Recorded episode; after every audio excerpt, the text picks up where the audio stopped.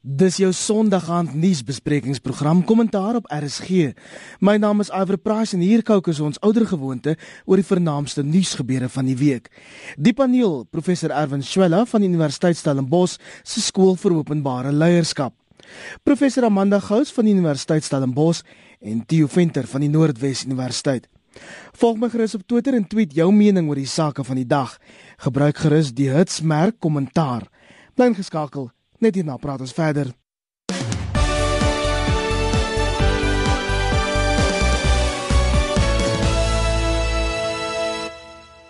Kollegas, kom ons begin by die ekonomiese vryheidsvegters wat môre in die Wes-Kaapse Hooggeregshof gaan probeer om die skorsing sonder salaris van 12 van sy LPs te probeer beveg. En Erwin, die ANC het toe donderdag se laaste sitting van die nasionale vergadering gebruik om die EFF se skorsing letterlik deur te boender.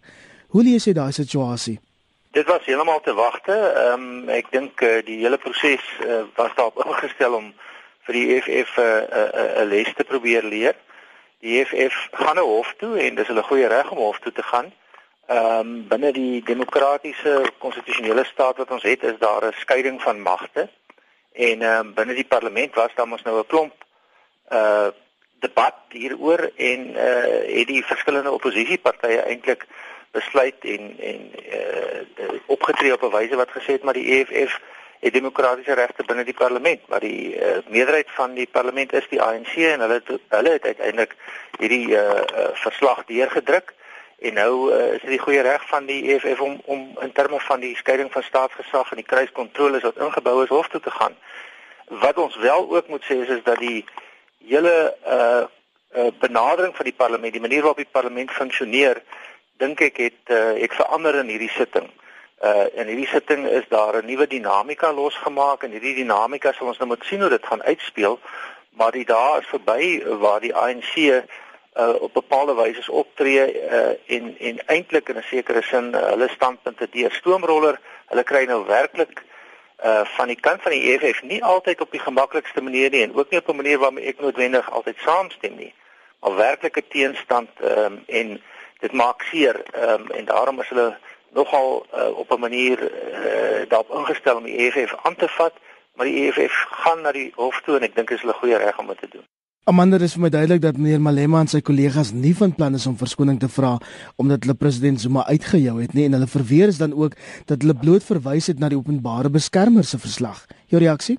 Die ander dinamika wat ons nou in die parlement sien is is natuurlik dat die oppositie koalisie vorm teen die ANC en dat ek meen dis die eerste keer in die geskiedenis dat ons 'n filibuster gesien het wat jy weet die die uh, die uh, debattering ehm um, vir uh, verstadig word deur die indiening van allerlei mosies um, wat wat bespreek moet word. Juist om die punt te maak dat dat die die manipulering deur die ANC en spesifiek die spreker van die die parlementsvloer 'n probleem geword het.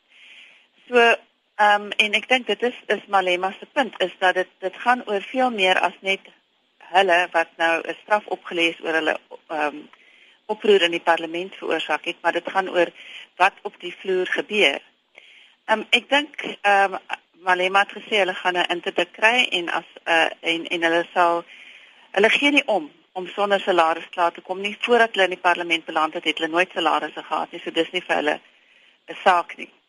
Um, ek is nie so seker of hy heeltemal eerlik daaroor is nie, maar wat my bekommer is die die aanhoudende verskywing van uh sake wat in die parlement bedryf word na na buite die parlement. Met ander woorde interdikte deur howe um wat op 'n baie spoedeisende manier geskied omdat mense nie hou van wat met hulle gebeur nie. Ehm um, en en ek ek uh, ek dink ons moet die vraag vra is dit ehm um, soos Erwin gesê dit is ons het die skeiding van magte en en en die howe is die die derde been van daardie magte. Maar is dit is ons besig om die politieke stelsel te verpolitiseer en dit sluit dan met, met ander woorde die howe in in die in die manier dat die howe die hele tyd betrek word. Ek meen ek het nou nou probeer kyk hoeveel interdikte daar hierdie jaar deur verskillende mense aangevra het. En die lys is verskriklik lank. So die howe het 'n integrale deel geword van hoe ons politiek bedryf en ek is nie so seker dat dit 'n goeie ding is nie. Tio wil jy daarbey aansluit net ter wille van die luisteraars 10 oppositiepartye het hulle gedistansieer van die besluit om die EFF te skors en die meeste sê hulle steun nie die EFF se gedrag nie maar die ANC is besig met politiekery. Tio Twee goeders wat ek wil byvoeg. Die een is ek het nou die dag met Koos van der Merwe gepraat, 37 jaar lank lid van die parlement en waarskynlik die parlementslid met die langste rekord soop van die, die bakkiesboot af van ons parlement.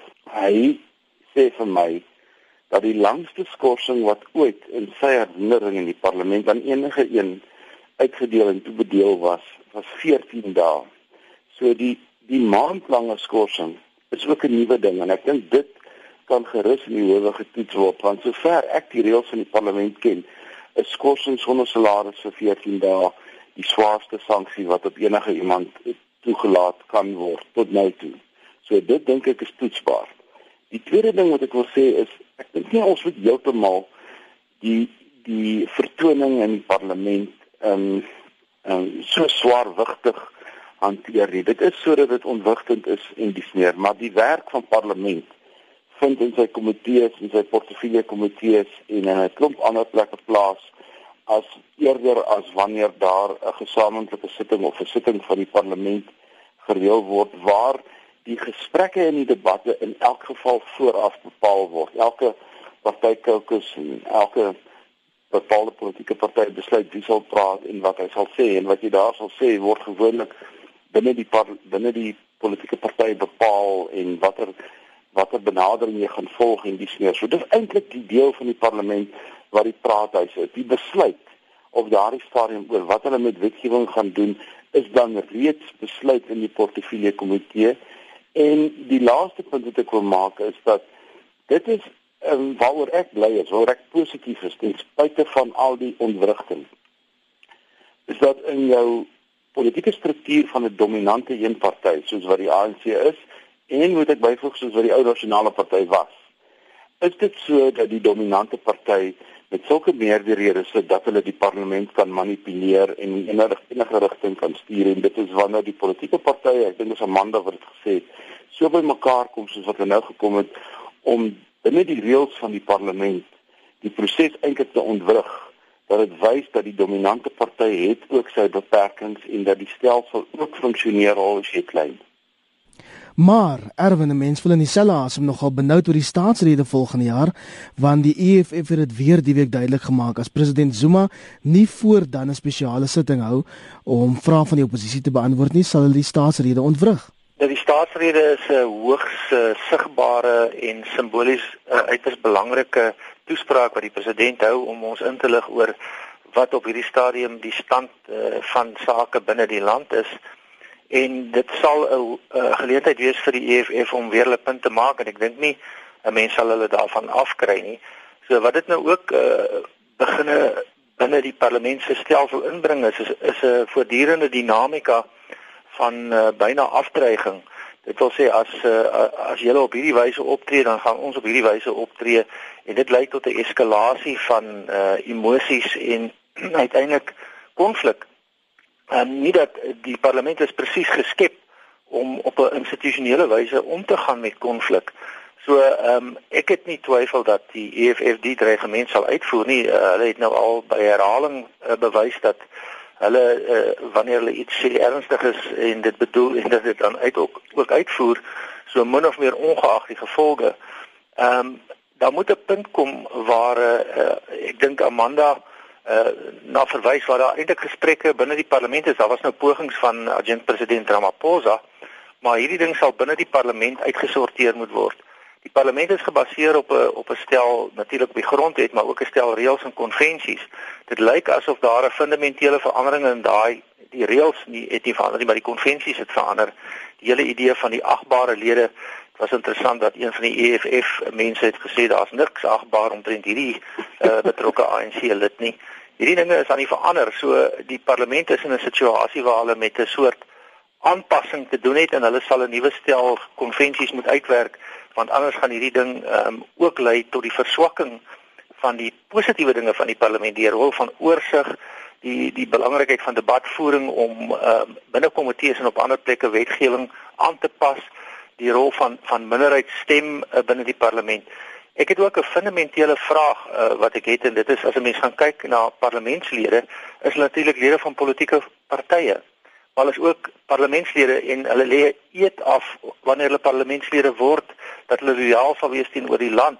En nou word die vraag eintlik is 'n parlementslid veronderstel om lojaal te wees teenoor die politieke party wat hy verteenwoordig, teenoor die parlement en daarmee eintlik teenoor die publiek, want dit is die tweede opsie of teenoor die president.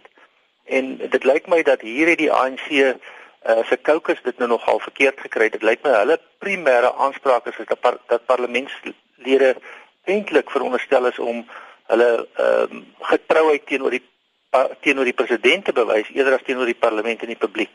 As ons die gesprek so bietjie kan draai kollegas, president Zuma het dan ook die week erken dat die ANC diep in die moeilikheid is.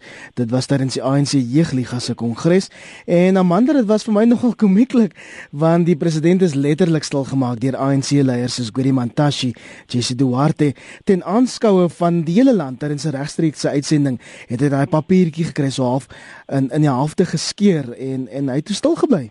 Ja, wel ek meen ek dink dit is dit is baie insiggewend want ons weet die ANC is in die moeilikheid, maar die die feit dat dit eh uh, Mantashe in in Jesse Duarte is wat hoog in die in die rang uh, range is van die ANC beteken dat hulle wil nie hierdie probleem uh, openbaar maak nie en en Zuma as hulle grootste liability. Uh, dit is hoekom ek dink hy nie in die parlement verskyn nie. Hulle wil hom op die agtergrond hou. Ehm um, en dit was die eerste keer 'n lang tyd dat Zuma afgewyk het van sy geskrewe voordrag. Wat beteken ek dink hy het behoefte om goed te sê, maar hy het onmiddellik sy voet daarin gesit. Um en ek dink dit sê iets oor die status van die president vir ons dat hoe laag sy status is as hy stil gemaak kan word deur lede van sy eie parlement. Hy is na alles die staatshoof en um die feit dat hy dit aanvaar het, beteken ook dat dit is hoe hy alles doen wat ons in die laaste tyd vermoed hy doen. Ehm um, hy word voorgeskryf, hy word aangesê ehm um, en hy verskyn in die parlement nie want hy gaan uh, uh, as hy vrae beantwoord, as hy op sy voete moet dink, goed sê wat groot probleme vir die ANC gaan veroorsaak. So ek dink dit is vir ons net 'n aanduiding van hoe swak Zuma se posisie op die oomblik is. Ehm um, en dat hy 'n sitting duck is en en, en dat ehm um, dis nie net die ANC wat in groot moeilikheid is nie, dis die hele land want hy is die staatshoof. Kan ek net bysê dit was die wêreld se langste en ondraaglikste toespraak langer as 'n uur. Theo, dis nou so duidelik soos daglik dat ons 'n seremonieele president het wat ons al lankal sê op kommentaar wat fisies bevele ontvang van ANC ringkoppe. Ja, maar ek wil dan byvoeg oor die langste toespraak het hy nie die rekord nie. Boetelesi het een keer 3 dae lank gepraat en altesaam 14 ure lank was daai toespraak. So dit is in die Guinness Book of Records nie nie hierdie ene nie. Maar ek stem saam die die president is uh, 'n albatros om die nek van die ANC nie alleen is die probleme van die ANC van 'n finansiële aard nie want die verkiesing was 'n baie duur verkiesing en dit is spekulasie dat hy daaroor wou praat. Maar ons moet verstaan dat die dat die lang messe vir opvolging ehm um, lankal reeds aan die gang is. Ehm um, die die die verkiesingskonferensie wat die ANC in 2017 gaan hou, het eintlik al reeds begin en hy gaan volgende jaar Junie Julie wanneer hulle hulle eh, wat bekend staan as hulle annual general meeting hou, hulle hulle soort van adviserende kongres tussen twee groot verkiesingskongresse. Dis by daai kongres waar Zuma eintlik sy terugkeer gemaak het nadat Mbeki hom onseremonieel ehm um, afgedank het in 2005 het hy sy terugkeer gemaak by daai konferensie en dis by daai konferensie wat Malema eintlik die eerste keer uh, in die wek geruk is 'n paar jaar gelede in Durban. So hierdie hierdie tussenin konferensies is baie belangrik en die aanvoorwerp daartoe het lankal reeds begin. En meneer Zuma se dilemma is dat ehm um, die die ondersteuning wat hy gehad het by by Mangaung in in ag by by Polokwane in 2007 het het het uh, heeltemal weggeërodeer. En en sy ondersteuners van toe die Kusatus wat nou weggebreek het die Malemas wat weggebreek het het 'n klomp ander um, erken nou dat hulle het nie vir die man gestem nie. Hulle het vir iemand gestem om die amper autoritaire hantering wat 'n bietjie op die party gehad het te vervang met iets anders en al wat hulle reg gekry het was om iets soortgelyks te kry want alhoewel alles wat oor Zuma gesê is tot nou toe waar is moet ons een ding van hom nie vergeet nie dat hy is 'n ongelooflike fyn strateeg binne die party dan word hoe die party funksioneer en wat die party waar en wanneer doen en wie waar en op watter plek aangestel word dit moet ons nooit van hom um, dit kan ons nie van hom wegneem nie en daardie opsig vergelyk hy baie goed met PW Botha. PW Botha was ook 'n swak staatsman. PW Botha was ook in in formele terme eintlik 'n ongeleerde man, maar hy het die nasionale party gemanipuleer soos 'n strooipop en dit doen dit doen uh, Zuma ook. Erwin, as ons kan fokus op die ANC jeugliga vir 'n oomblik en meneer Zuma het dan nou ook in soveel woorde die week gesê, hulle is te disfunksioneel om 'n verkiesing te hou, hulle sukkel om die ANC terug te sit in die ANC jeugliga en dit lyk nie of die jeugliga ooit kon herstel na meneer Malema se vertrek nie. Mense wonder of hulle ooit sal kan herstel. Die jeugliga is uh in die in die jongste verlede eintlik al vir 'n hele klompie jare natuurlik uh voortdurend in een of ander vorm van probleem en uh, en met 'n klomp kwessies te maak. Onder andere soos die die party self is daar ernstige finansiële kwessies. Daar's voortdurend leierskap wat betrek word by een of ander vorm van skandaal. En terselfdertyd uh, is daar 'n groot klomp politieke dinamika soos binne die res van die party ook binne die jeugliga. So dit was veronderstel om 'n verkiesingskonferensie te wees en het uiteindelik uh, toe omgeskakel in 'n blote raadgewende konferensie. En die rede daarvoor kan veelerlei wees. of mens kan uh, soos uh, die die die meer uh, die apologete sal sê mens kan redeneer ja dit was uh, die die die jeugliga is nie gereed vir 'n verkiesingskonferensie nie. Maar dit mag ook heelwat te maak hê met die feit dat uh, president Zuma weer eens as 'n fyn politieke strateeg besef het dat die verkiesing mag lei dat 'n groep mense wat hom kan uitdaag uh, by die uh, die volgende geleenthede waar die ANC besluite moet neem dat hierdie mense verkies kan word. So dan is dit makliker om maar met die met die bestaande eintlik ehm um, nie uh, goed verinstitusionaliseerde en nie goed funksionerende leierskap voort te gaan nie. So die jeugliga soos al die ander ANC organe wys eintlik maar dieselfde krake, die die die die die verbintenis met die groter geheel is daar, die dinamika loop deur en daar is definitiewe aanduidings dat dit beter vir president Zuma is dat nie nou 'n verkiesing in die jeugliga kom en dat dit die moontlikheid oopmaak dat daar 'n groep mense is wat hom volgende jaar kan uitdaag wat verkies uh, sal word nie. Net gou terug na president Zuma. Die ironie is as president Zuma het nie vir hom as 'n leier uh, 'n basis gebou in staatsmanskap nie. En juist dit wat sy sterkpunt is binne die party, die die absolute vermoë om binne die party die ehm um, manipulasie te doen uh, rondom partygeleedere word dan ook sy swakpunt. Hy het nie 'n ander basis as die party nie. Dit beteken dat hy word deur die party daar gestel, deur die party beheer en dan uiteindelik eh, as jy as jy lewe met die swaard, as jy veg met die swaard, gaan jy uiteindelik sterf met die swaard. Dan het hy presies wat hy kry, dan kan ehm um, mense soos uh, mevrou Duarte en uh, meneer Mantashe vir hom doodgewoon papiertjies gee en sê sê wat die party sê. Hy het geen ander basis as 'n leier, as 'n staatsman nie. Amanda, is daar enigiets anders wat vir jou uitgestaan het by hierdie nasionale raadgewende kongres van die jeugliga? En ek dink dis weer eens die ongeordende chaos wat wat aangegaan het die gesing en die skreeu van name soos Polemabe en Boetie Manamela en so aan. Ehm um, wat wat beteken dit gaan gaan oor oor die faksies en watter faksie kry hulle persoon uh in in in die leierskap en spesifiek as die voorsitter. En dit is juist as gevolg van hierdie gedrag dat dat daar gesê is hulle is nie uh, gereed om 'n verkiesing te hou nie dat dit 'n raadgewende kongres sal wees en dat hulle sal moet terugkom om om mense te verkies. So dit gaan nie daaroor vir hulle om om basies die die jeugvleuel van die ANC te wees uh, wat 'n bydrae maak tot die ANC nie. Aan die ander kant met 'n mens die vraag vra as die ANC vol faksies is, hoekom sal die jeugliga nie vol faksies wees nie? So ek meen dit is vir my reflekteer dit ook maar net die groter prentjie van die uh die ongeordenheid uh, wat wat binne in die ANC is en dit word gereflekteer deur die jeugliga. Ons moet die jeugliga reg verstaan. Die jeugliga het 'n het 'n baie lang en 'n en ek wil nie die woord roemryk gebruik nie want dit is nie regtig roemryk nie, maar 'n baie lang geskiedenis in die ANC as die um as die beginpunt van leierskapsontwikkeling wat uiteindelik moet eindig by iemand bo aan die party. Dit is maar een van die funksies van 'n politieke party is om leiers te identifiseer en hulle dan deur prosesse informeel, formeel en hoe jy dit ook al wil wil sien te neem, maar die waardeproposisie as ek nou 'n besigheidsterm kan gebruik wat die wat die jeugliga tans bied teenoor dit wat die EFF bied vir die jeug in Suid-Afrika het skielik het skielik 'n dilemma geword. Wat doen die jeugliga?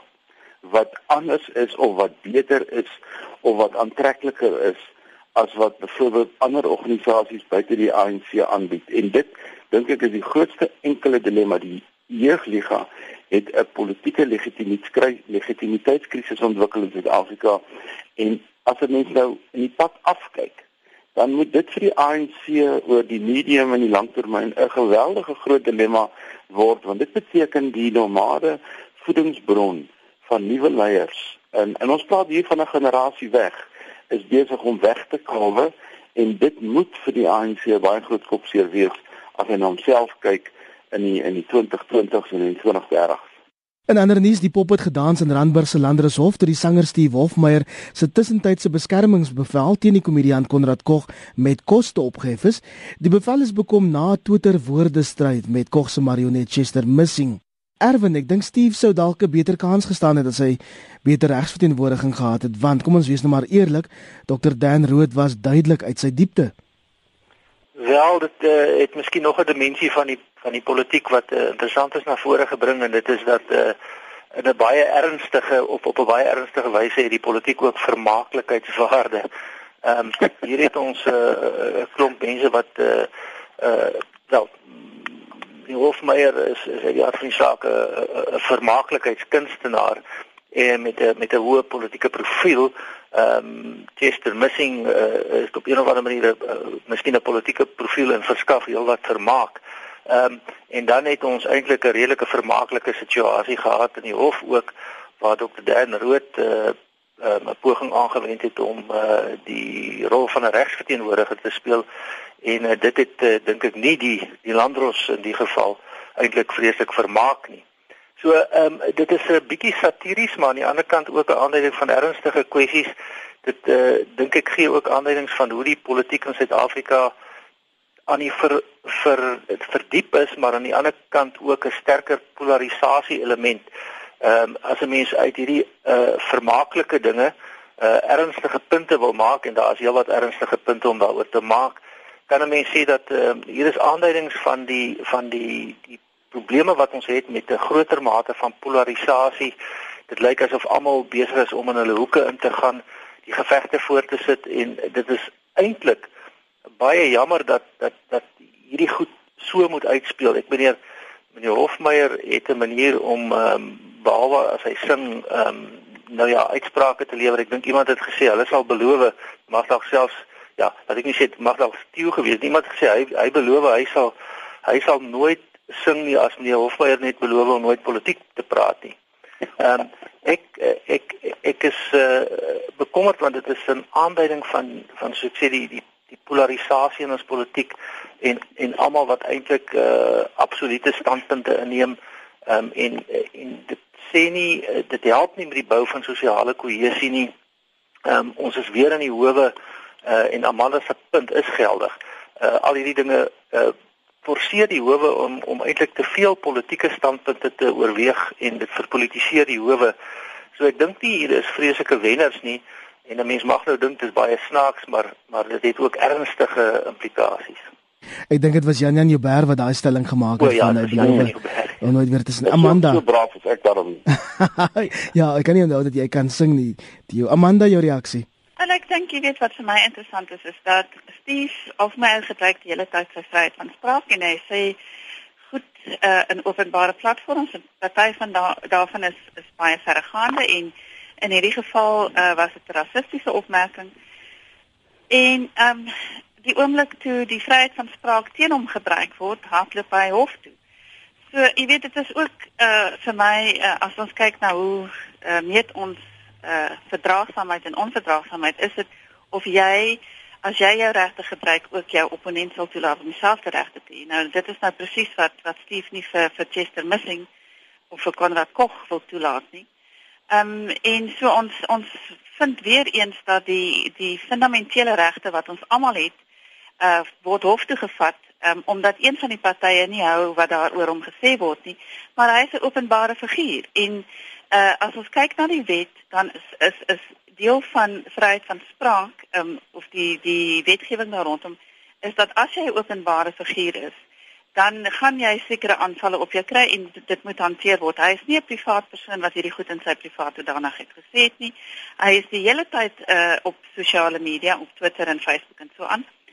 So hy is nie bereid om te vat wat hy kry nie, maar hy is bereid om dit uit te deel en en ek dink ehm um, ja, dit dit die hof het nou besluit geneem dat ehm um, hy hy kan nie 'n interdikt kry nie. En ek dink dit is die dis die regte besluit want ehm um, anders te gaan ons sekere bande aan vryheid van spraak lê. En ehm um, ek weet daar's twee goed wat vryheid van spraak beperk in die grondwet. Dit is haatspraak en ehm um, die aanmoediging van geweld. En ek dink nie dit geld in uh, vir die opmerkings wat wat Steve gemaak het nie. Dit is nie jy weet dit is nie haatspraak nie en daarom moet ons daaroor kan debatteer. En en ek meen dieselfde geld vir wat wat Chester Missing gesê het. Dit was nie haatspraak. Ek het nou al 'n paar platforms met Steve Hofmeyer gedeel. Ek dink nie ons moet sy intelligensie onderskat nie en ek dink nie ons moet sy sy doelbewuste pogings om omstredenheid deel van sy profiel te maak onderskat nie. Ek sê doelbewus en ek dink ook nie ons moet sy ons moet sy opportunisme onderskat nie. Ehm um, die sing van die stem op 'n bepaalde plek was nie uit dowe neute nie. Ehm um, hy hy skep daarmee 'n nuwe aantrekkingskrag vanuit 'n nuwe ondersteuningsbasis vir dit wat hy sing en die mense wat hom aanhang en so aan. So as 'n kunstenaar, ehm um, het hy dit vir my reguit gesê, goeie of slegte ehm um, uh media bekendstelling is goed vir die verkope van my CD's en my DVD's en my musiek en wat ook al. So hy gee eintlik nie om nie en maar hy plaas homself in 'n baie moeilike situasie daar in die kategorie van 'n Sonet Bridges en 'n Steve Hofmeyer met met dom politieke uitsprake en ek dink Amanda is reg dit is gewoon die soort uitsprake wat Suid-Afrika nie nodig het nie maar die slegte nuus vir my is dat hy 'n geweldige groot aanhang en wanneer hy hierdie uitsprake maak is daar 'n groot deel van veral die Afrikaans sprekende gemeenskap wat eintlik heimlik met hom saamstem dit is vir my die tragedie en die hartseer van alles wat ons gesien het die laaste week. Jy luister na 'n kommentaar op RSG en ons beweeg nou na buitelandse nuus. Betogings het in meer as 100 stede in die VSA uitgebreek na 'n groot juridiese besluit om nie 'n wit polisiebeampte wat 'n ongewapende swart tiener doodgeskiet het te vervolg nie. Verskeie geboue is afgebrand en president Barack Obama het erken dat die regering sukkel om die rasse spanning te beheer. En Erwin, ek wonder of Suid-Afrika nie 'n paar lesse kan leer uit die onrus in die FSA nie. Ja, dit sluit direk aan by ons uh, vorige uh, gesprekspunt. Uh, dit is so dat as 'n mens voortgaan en uh, die die die die politieke optredes uh, van verskillende rolspelers wat ook aanhang het as die politieke optrede voortdurend daarop gerig is om die foutlyne in die samelewing um, uit te lig en te versterk dan het jy ernstige probleme. In Amerika is daar vir jare al uh, debatte aan die gang om te sê dat uh, ja, ons het ons het formeel gelykheid, ons het formeel uh, 'n stelsel waar uh, waar almal sê dat ons is Amerikaners, maar daar is nog baie sterk strukturele en ander forme van diskriminasie en onderdrukking en dan word daar persepsies geskep uh oor oor wat sal gebeur onder hierdie omstandighede. En so van tyd tot tyd word hierdie persepsies getoets in die realiteit en dan gebeur daar iets soos in Ferguson gebeur het. En nou word hierdie dinamika uitgespeel. En nou is dit 'n kwessie van uh hoe word die die leierskap byvoorbeeld uh, in die verband en hier het president Obama van sy eie van sy eie mense, Amerikaners in die algemeen, maar veral ook swart Amerikaners dikwels die die die reaksie gekry maar hy tree nie op 'n behoorlike manier op nie. Uh, binne die stelsel is daar oënskynlik ehm um, en en eintlik goed gevestigde prosedurele geregtigheid. Met ander woorde daar word 'n jury saamgestel, hulle neem 'n besluit, maar die onderliggende spanning maak dit dat mense hierdie goed interpreteer in terme van waar hulle staan. So die die die die die die swart minderheid in Amerika sien hier uh, optredes wat alhoewel dit prosedureel geregtig is, nie lyk vir hulle of dit regverdig is nie.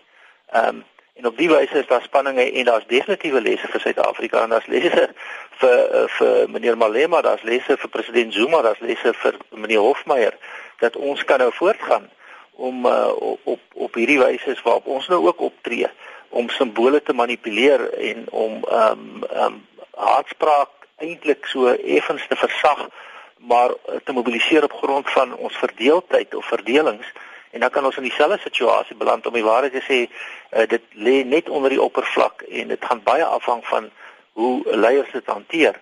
Ehm um, so daar is heelwat lesse en ek dink wat in Amerika gebeur ehm um, is miskien dat daar 'n minderheid swart mense uh wat hierdeur benadeel word in Suid-Afrika moet ons moet ons onthou dat ons het 'n klomp interessante dinamiese elemente rondom uh um, demografie en verdeeldheid en ons moet dit nie opspeel nie ons moet afspeel. Een van die Daily Maverick se rubriekskrywers het die week opgemerk dat Amerika brand en Suid-Afrika smeel. Die Amerikaners het Michael Brown, ons het Andri Statani Marikana. Amanda? Ja, ek dink dit is een van die belangrike lesse wat ons kan leer is polisie optrede, nê? Ehm um, net twee dae terug is daar weer 'n uh, ongewapende wel die die 'n uh, uh, jong swart man in die FSA doodgeskiet. En hy hy was nie ongewapend in die in die sin dat hy nie 'n geweer gehad het, maar hy het 'n plastiek geweer gehad.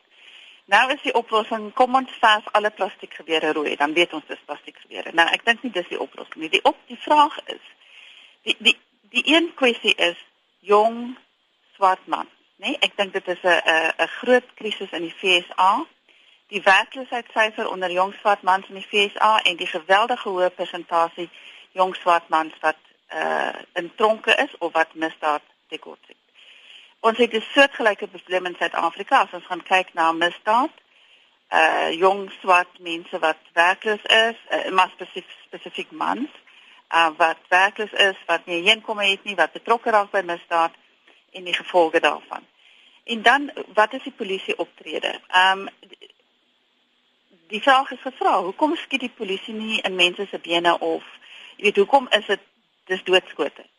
Nou die polisie se argument is dit is ons lewe wat op die op die lyn is, maar ehm um, die vraag is uh, is word polisieering so aangewend dat dit kan verhoed dat mense spesifiek doodgeskiet word. Ehm um, en ons het Marikana gehad. Ons het gesien waar toe die polisie in staat is en ons het nou weet nou daar was was groot probleme ehm um, en die die gevolge in Suid-Afrika was was baie ernstig. Ehm um, en ons sien ook dat die gevolge in die FSA baie ernstig is. Dat dit uitgekring het na die totale land. Ehm um, oral brand daar en is daar ehm um, protes en opstand. Die ek dink die ander kwessie daar is die feit dat almal het gedink as daar 'n swart president gaan wees, ehm um, onder die presidentskap van Barack Obama, gaan die rasse spanning en die rasse situasie verander. En dit het nie. So daar is mense wat nou baie kwaad is, uh, swart mense wat kwaad is vir Barack Obama. Wat sê hy is maar net nog uh, 'n uh, puppet. En hy het spesifiek gesê hy hy hy het baie simpatie met die ouers um, van die Ferguson slagoffer, maar hy het geen simpatie met mense wat uh, goed afbrand en en vernietig en so aan nie. So ek dink die die lesse is, jy weet, wat is die lesse oor polisieering wat ons kan leer? Wat is die lesse wat ons kan leer oor jong swart mans en hoe hulle geakkommodeer moet word en nie gemarginaliseer moet word.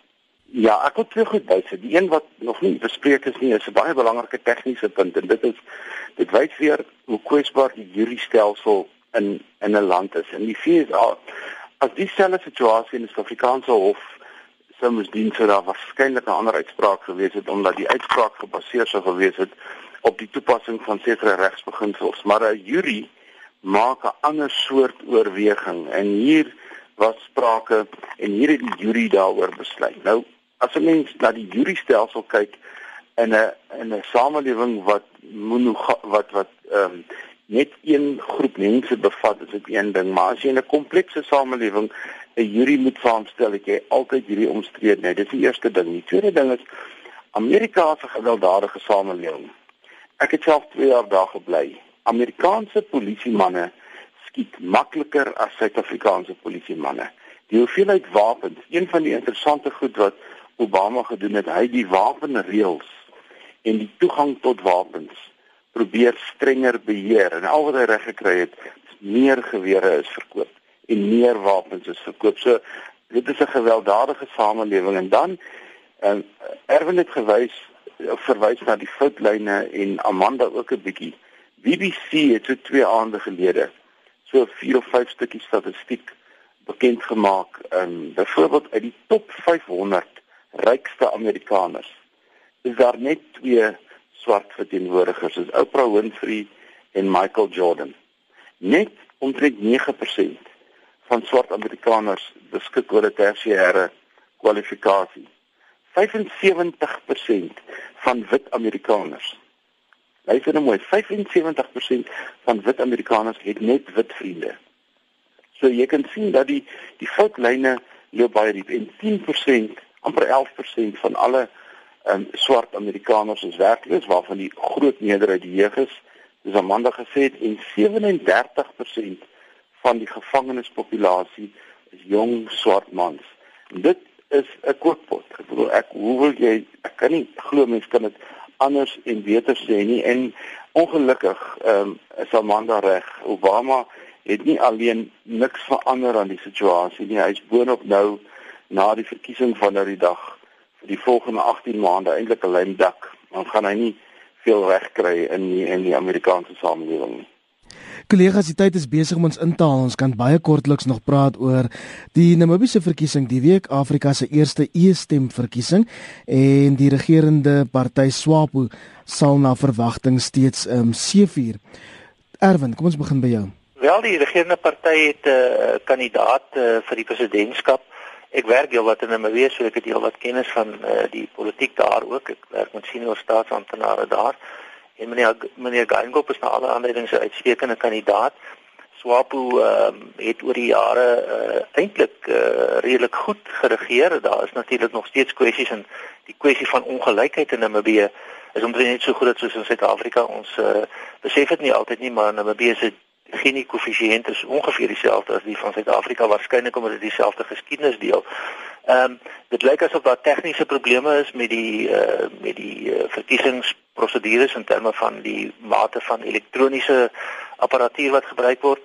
Ek dink die die uitslag sal wees dat dat uh, dat SWAPO uh, nog 'n groot oorwinning sal behaal. Ehm um, 'n kleiner meerderheid dalk. Ehm um, maar uh, dit uh, dit lyk of dit 'n uh, demokratiese verkiesing is met soos daar altyd maar verkiesings is probleme hier en daar. En ehm um, eh uh, Swapo sal verkies word en meneer Gangop dink ek gaan 'n goeie uh, president maak. Amanda Dit is belangrik uh, dat die stemme getel word en dat dit reggetel word. So dit daar is probleme met met vertragings dat die uitslag nog nie bekend is nie. Maar dit lyk asof daar 'n relatiewe hoë uh, stempersentasie was. Ehm um, en ek dink dit is 'n uh, geval van ehm um, net wag en sien maar ek dit volgens ander aanduidings was dit 'n vreedsame en 'n regverdige verkiesing. Dis ongelukkig waar ons gaan met haltroep vanaand op kommentaar. Baie baie dankie vir julle tyd. Ek waardeer professor Erwin Swela van Universiteit Stellenbosch se skool vir openbare leierskap. Nans Erwin. Nou ja, totsiens. Professor Amanda Gous van Universiteit Stellenbosch. Lekker week Amanda. Goeienaand Iver. En dan ook Theo Venter van die Noordwes Universiteit. Nans Theo. Goeienaand almal.